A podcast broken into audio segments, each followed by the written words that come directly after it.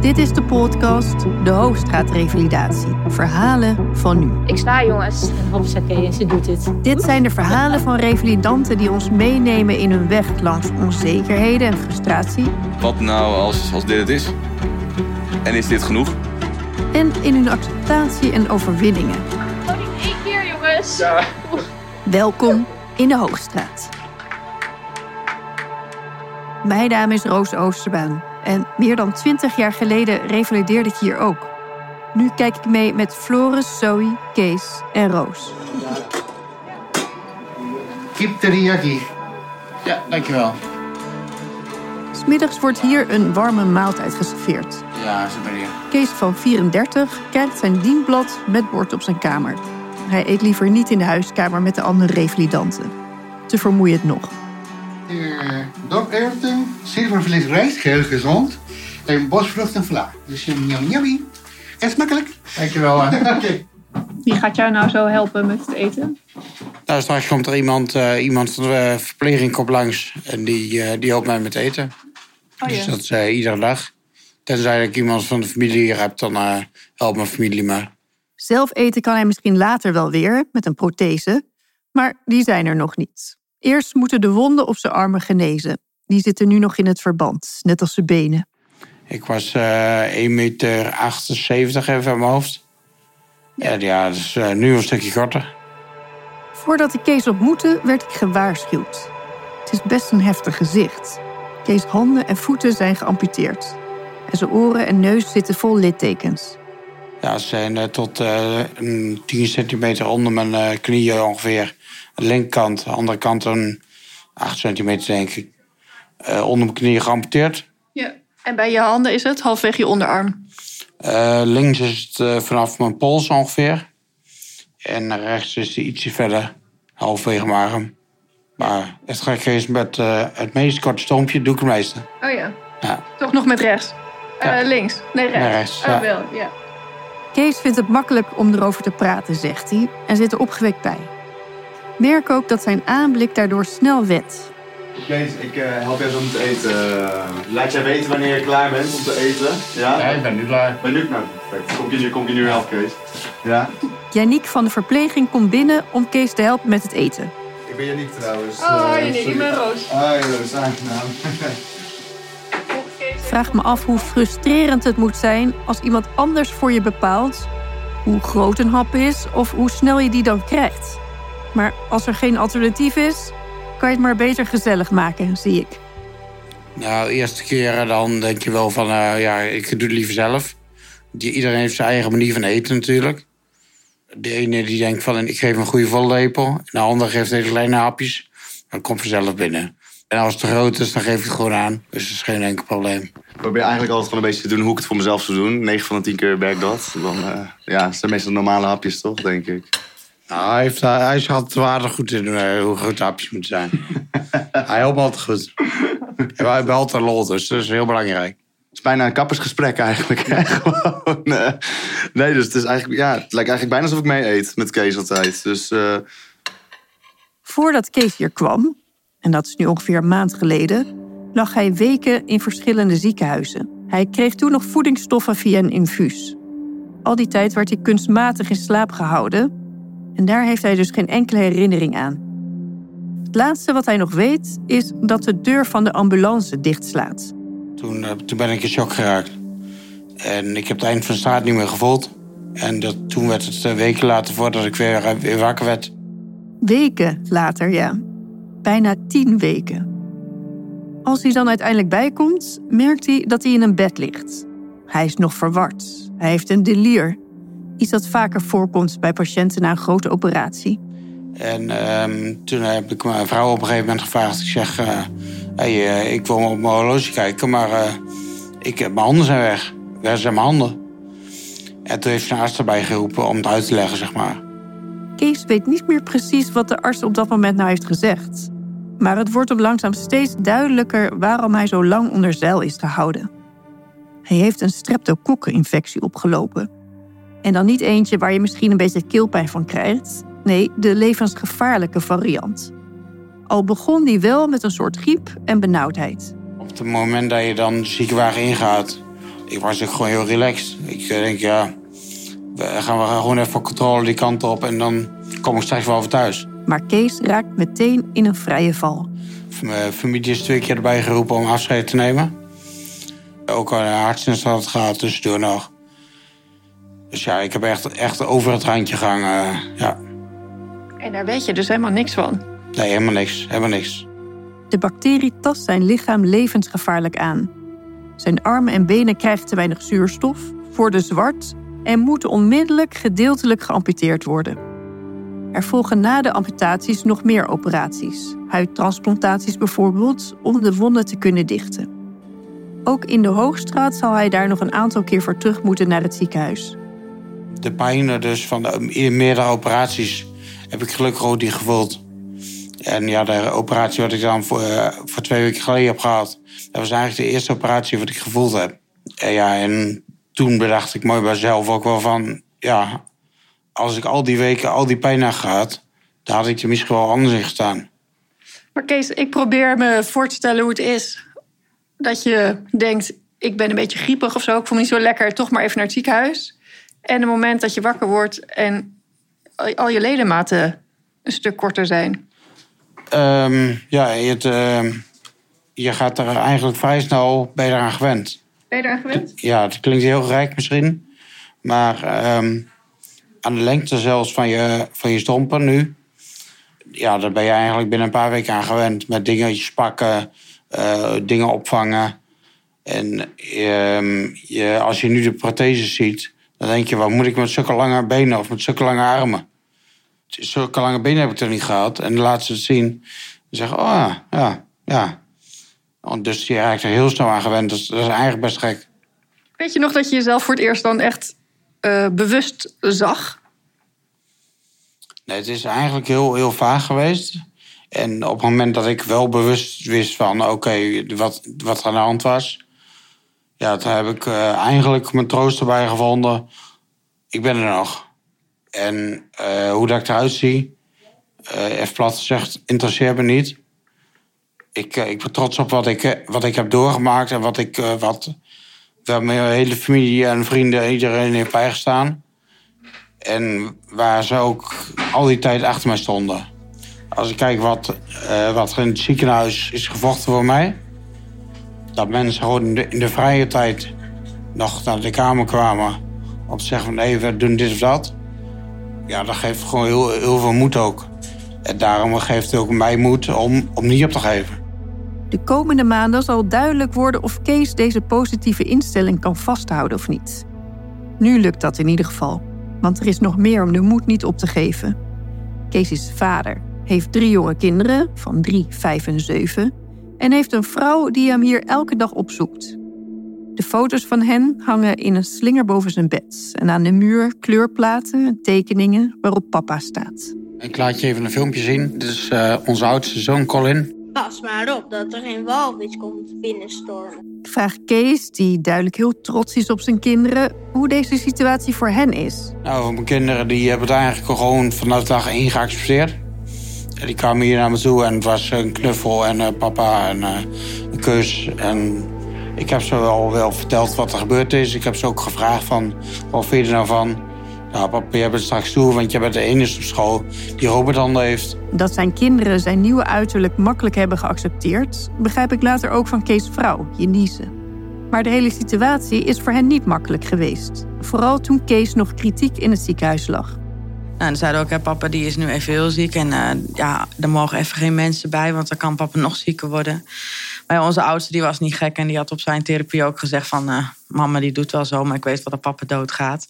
Nou, toen heb ik ook echt gezegd van eh, het is hier klaar, ze gaan mee. En eh, hij was al steeds beter om aanzien, alleen zijn neus en zijn oren waren nog flink aangedaan. Maar je zoontje zei, pap gaat dood, hè? Terwijl je dat nooit tegen hem had gezegd. Nee, zover dachten hun al door. Dus toen, daar heb ik ook die keuze gemaakt van niet meer in het onwetende laten. En gewoon bam laten zien, papa is er echt nog. En papa is heel hard aan het vechten om weer bij ons te komen.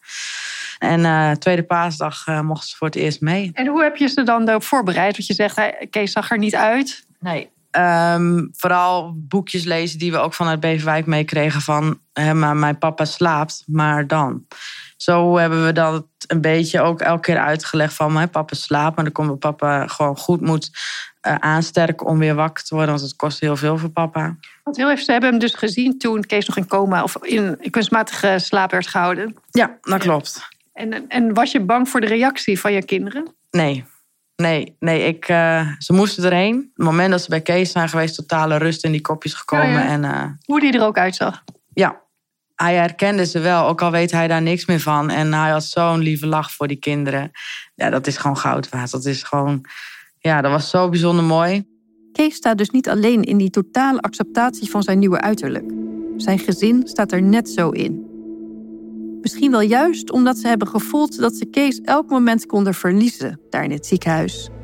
Toen heb ik ook echt geschreeuwd, dan neem ik zijn romp mee als mijn baby die ik elke ochtend op de bank zet en s'avonds in bed leg. Zijn kopje maar houden. Nou, en ik heb zijn kopje nog. We hebben zelfs armen en benen nog. Er zijn alleen geen handen en voeten meer. Die angst waar ik in heb geleefd, dat hij ook nog eens verstandelijk gehandicapt ging raken, dan boeit dit even niet meer. En daar is denk ik ook die acceptatie en uh, alles meteen ontstaan. Jenise vertelt dat zijn kinderen Kees thuis erg missen. Onze oudste heeft ook een shirt van papa bij hem in bed liggen, want daar ruikt hij papa. Binnenkort zal hij voor het eerst een weekend naar huis gaan. Dat is heel fijn, maar ook confronterend. Daarover meer in de volgende aflevering. Nu gaan we terug naar de lunch. Dankjewel, Janne. Nou, eten. Yannick, die Kees eten geeft, heeft nu zelf even pauze en wordt afgelost door zijn Het, collega. gaat van een, het gaat van een 10 naar een 6, ik weet het, Kees. Maar dat is. eh Ja, bedankt hè. Eet smakelijk, ik zie je later. Tijdens de bosvruchtenvla vertelt Kees dat hij ervan uitgaat dat hij nog wel een poosje hier in Hoogstraat zal zijn. En dat hij daar totaal niet tegenop ziet. Ja, ik heb ook heel veel plezier hier in de Oostraat met de verpleging. Gewoon onderling, gewoon echt super contact. En als er wat is, eh, is serieus. Maar ook gewoon een geintje tussendoor. Het is wel zoveel dat ik tegen de, verpleging zeg van... Vind je het echt niet erg hoor, dat ik, zo, dat ik zoveel geintjes maak? Ik zeg gerust van, eh, ik kom wel naar je toe lopen. Of eh, ik, pas op, ik kom achter je aan. Ja, ik, ik, ik ben gewoon heel positief. En ja, dat, dat wil ik ook graag vasthouden.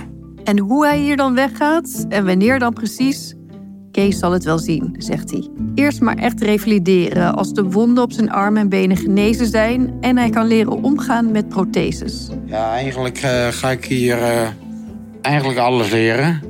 Dus eh, van zelf eten, dingetjes pakken, dingetjes neerleggen, lopen. Eh, in zoverre het kan. De verwachting is wel dat ik eerst mijn armprotheses krijg. Dan een paar maandjes naar huis ga en dan weer terugkom voor mijn benen. En dan daarna lopend weg. Leren lopen en weer zelf eten het zou natuurlijk fantastisch zijn. En er is nog een diepere wens. Eentje die ik nooit had kunnen raden. Allerleukste zou ik vinden als ik ook gewoon weer achter het stuur kan kruipen. Dus iedere kilometer wat ik hier... Dat mensen zeggen, oh, het was druk of weet ik veel wat. zeg ik, ik wil weer huilen hoor. Ik wil even een uurtje in de file staan. Dat, eh, dus, En weet je het echt, ja? ja, er is een, eh, een evenement in eh, Italië. 2025. En eigenlijk is mijn streven om daar gewoon lekker met het hele gezin dan een week naartoe te gaan. En dat ik lekker die kant op rij. Ja. Hey, Dwight. Ehm lijkt me lachen. Zo begint Floris een spraakbericht aan vriend Dwight.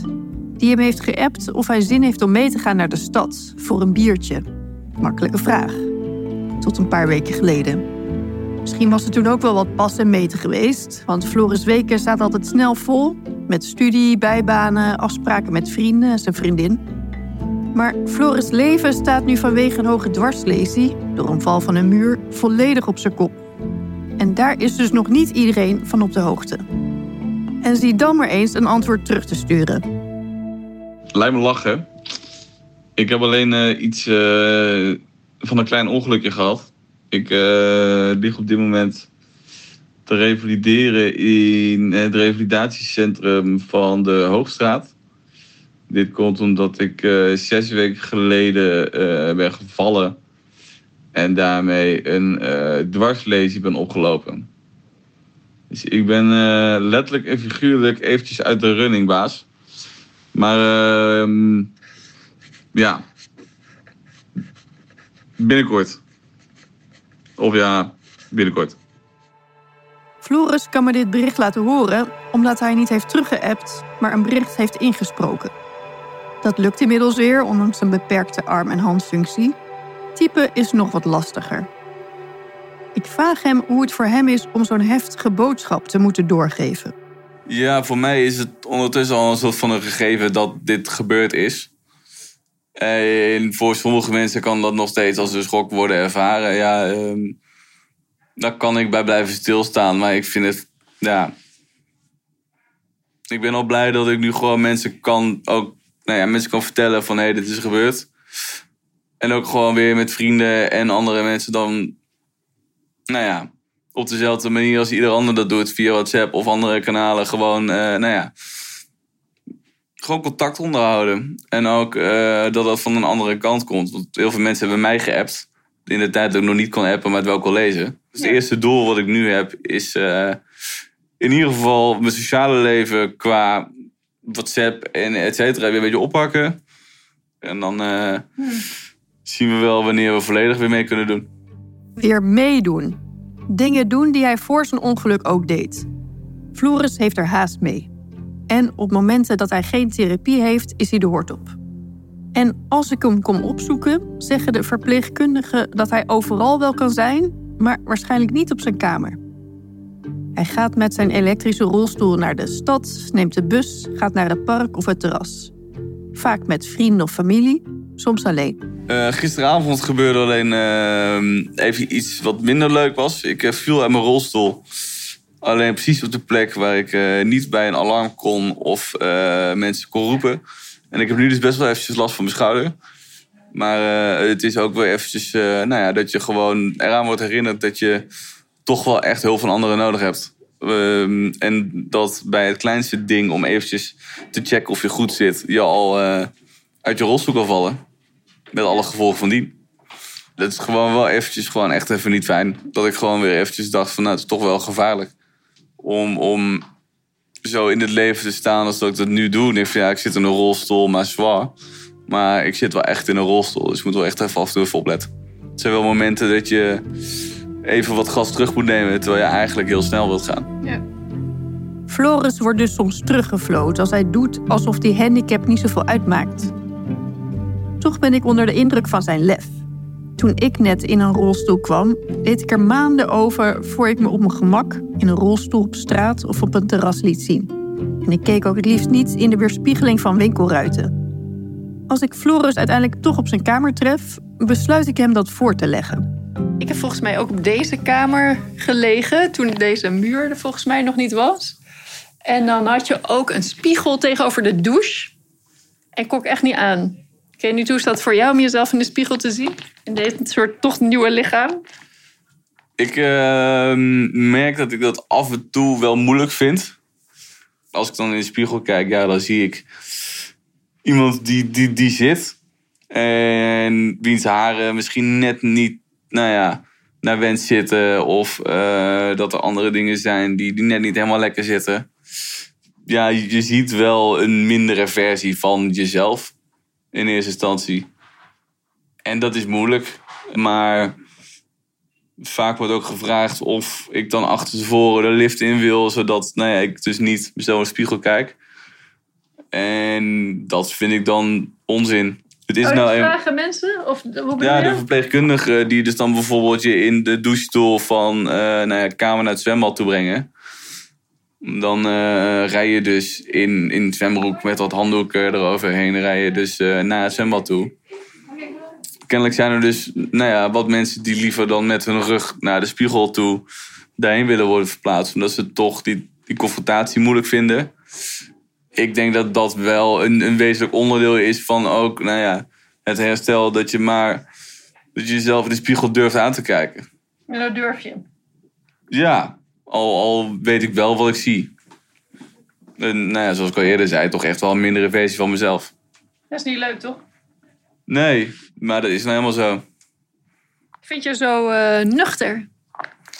Ja, dat hoor ik vaker, maar dat ben ik nog wel. Hè. Ik bedoel, ik weet ook dat, dat als ik daadwerkelijk afscheid moet nemen van bijvoorbeeld mijn benen, dat ik dan wel echt heel veel minder nuchter ben dan dat ik nu ben. Met dat wel of niet afscheid moeten nemen van zijn benen bedoelt Floris dat het nu nog onduidelijk is of en hoe hij zal herstellen van zijn dwarslesie. Of hij kracht en gevoel terugkrijgt in zijn benen bijvoorbeeld. Juist omdat je niet weet wat je bent verloren, kan je nog niet rouwig zijn. Dus vooralsnog ben ik heel erg nuchter. Ja. En dan kan je gewoon misschien straks weer een goede versie van jezelf zien. Ja. Of beseffen dat dit helemaal niet een mindere versie is. Dat vind ik nou mooi gezegd. Dat is het. Het is bijna kwart over. En dan worden we zo opgehaald door Giel. Oh ja. Als het goed is gaan we zo kijken naar hand-aangedreven rolstoelen. Floris gaat vandaag voor het eerst een niet-elektrische rolstoel uitproberen. Eentje dus die hij met zijn armen kan voortbewegen. Een hok vol rolstoelen. Ja. Ja, jij zit al wat langer in de rolstoel dan ik, denk ik, Roos. Maar eh, hier, Dit is best eh, een assortie. hier moet eh, er iets tussen zitten wat dan voor mij, eh, nou ja, werkbaar zou zijn. En dan krijg je hem even te lenen. Dat is dan het idee. Ja, totdat ik eh, nou ja, weet wat, wat, eh, wat ik nodig heb.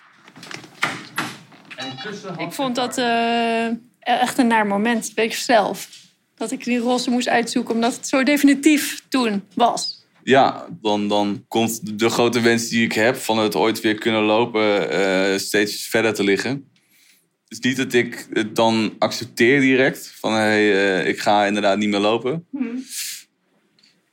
Af en toe verlies ik wel de focus daarop. Omdat ik nou ja, toch wel ook bezig ben in een soort van functioneel leven. Het liefst heb ik gewoon een leven waarin mijn benen functioneren. In plaats van dat nou ja, ik daaromheen functioneer. Ja. Even kijken. Had je al eentje gezien, Floris? Ja, ik had één hele snelle blauwe gezien. Eh, die, die sprak tot mij. Maar ik weet even niet meer of die er nog is. Ik weet ook niet wat het verschil is tussen van die wielen die een beetje schuin staan... of van die rechte wielen. Kan je makkelijker draaien als ze schuin staan. Kijk, dat weet jij dan weer. Met ergotherapeut Giel kiest Floris twee stoelen uit en ze nemen die mee naar zijn kamer. In de lift omhoog vertelt Giel wat het plan is. Floris is eerst begonnen in de elektrische rolstoel. Ehm, maar eigenlijk ehm, gaan we nu naar de volgende stap. En dat is kijken eh, of het lukt om in de handbewogen rolstoel te zitten. En dat is best wel een beetje een mijlpaal, of niet? Voor iedereen die hier in deze situatie komt. Zo'n overgang van elektrisch naar handbewogen. Ja, meestal is het wel een mijlpaal als in... we gaan in de handbewogen rolstoel de hele zoektocht doen. Wat is er nodig om eh, uiteindelijk hier goed in te kunnen zitten? Ja. Ja. Ja, is dat een zoektocht? Ja, dat is zeker een zoektocht. Want de ene die eh, zit je in een stoel, die zit meteen goed. En de ander zijn we soms wel eh, weken bezig om te kijken van... Hey, die heeft wat meer ondersteuning in de rug nodig. Of die schuift wat meer onderuit. De een heeft last van spasmen, de ander Hmm. niet. Ja, dat is een hele zoektocht inderdaad om te kijken... Ja, hoe gaat iemand goed zitten in een stoel? Ja. Ja. De vraag is daarna altijd wel... Hoe efficiënt is het voor iemand? De meeste mensen zitten liever in een handbewogen rolstoel dan in een Elro. Eh, Elro. elektrische rolstoel. Ja, is dat dan ook efficiënt? Kom je de dag wel door? Heb je genoeg energie? Je kan wel leuk in een handbewogen rolstoel zitten, maar als het zoveel, als het topsport is de hele dag, ja, dan heeft het ook geen meerwaarde in het dagelijks leven. Ja. Het is dus geen uitgemaakte zaak of een handbewogen rolstoel is weggelegd voor Floris. Maar eerst maar eens eentje uitproberen. De rolstoelen uit de opslag staan nu naast Floris' bed. Net als Giel, de ergotherapeut, een werkplaatstechnicus en een verpleegkundige die Floris nu in een tillift van zijn elektrische rolstoel overzet in een van de twee stoelen. Ga ik je naar achter halen? 1, 2. Niet Floris' favoriete moment. Waar je eerst eh, lopend, rennend, springend het leven doorging. Eh, heb je nu een of ander apparaat nodig die jou van stoel naar bed of nu naar een andere stoel verplaatst. De eerste keer was ook best wel eh, confronterend. Ik noemde het toen ook een IKEA-zak waarin je nou ja, opgetild werd. Hopelijk kan ik dat zelf later door mijn armspieren. Maar eh, daar zijn we nog niet. Ja. En over naar de nieuwe stoel. Hoe voelt dit nu? Wel eh, ja, minder stabiel als dat ik gewend ben natuurlijk. Ik zie dat Floris moeite heeft om zijn hoofd omhoog te houden. Dat hij alle stabiliteit mist. En dat hij veel steun nodig heeft van de verpleegkundige achter zich. Kant hier iets achterover. Ja? Daar naartoe. Maar Jeroen van de techniekafdeling ziet waar er nog verbetering zit. Dus hier kan het zitten en dan met je bovenlichaam weer hierheen. Kijk, en dan krijg je stabiliteit. Dus daar moeten we even gaan instellen. Dus hij mag aan de voorkant. Hoe zit je, Floris? Ja, eh, waarin ik daar zeg maar ontspande en gewoon alle steun heb, heb ik hier nog wel steeds het idee dat ik eh, de hele tijd bij de les moet blijven. Of anders dan kukkel ik eruit, zeg maar. Ja. Qua bloeddruk gaat het wel goed, maar je merkt dat mijn, mijn nek ongeveer eh, bij mijn knieën ligt. Maar je hebt nu helemaal geen steun. Nee. Ja. Dus als ik jou een contour kan aanbieden vanuit je kussen, dan ga je vanuit je rugleuning al niet meer zo hard onderuit in je kussen. En dan krijg je veel meer armfunctie. Want dan zit je lichaam gewoon stabiel. Ja. Ik denk dat het een mooi stoeltje is om, eh, Om mee te om starten. zeg maar. Hier? Ja. Mee eens? Zeker. Mooi dan. beste. De eerste de beste. Ja, uitproberen. Ja. Het is gewoon, gewoon uitproberen. Maar je zit nu wel in een andere stoel. Ja, ik zit nu wel in een, in een dunnere, dus waarschijnlijk snellere, lichtere stoel. En? Eh, wennen, maar wel, eh, wel cool. Ja, maar wel wennen. Die gaat je wel wat opleveren zometeen. Zeker. Floris zet alles op alles om sterker en zelfstandiger te worden. Maar krijgt dan een enorme tegenslag te verwerken. Het wordt me bijna te veel af en toe. Dat ik echt zoiets heb van jongens, eh, laten we gewoon eventjes het houden bij een dwarslesie. En dan laten we maar gewoon eventjes gewoon revalideren. En in de volgende aflevering horen we ook weer Zoe van 15. Die met haar kamergenoot alles bespreekt waar ze zich normaal gesproken over zou generen. Maar in het begin hadden we daar wel problemen mee met de onlast. Ja, je bent 17 en wie had mij kunnen voorbereiden dat ik als 17 jaar geleden nog met een luier in bed moet liggen? Dit en meer in de volgende aflevering van de podcast De Hoogstraat Revalidatie. Verhalen van nu.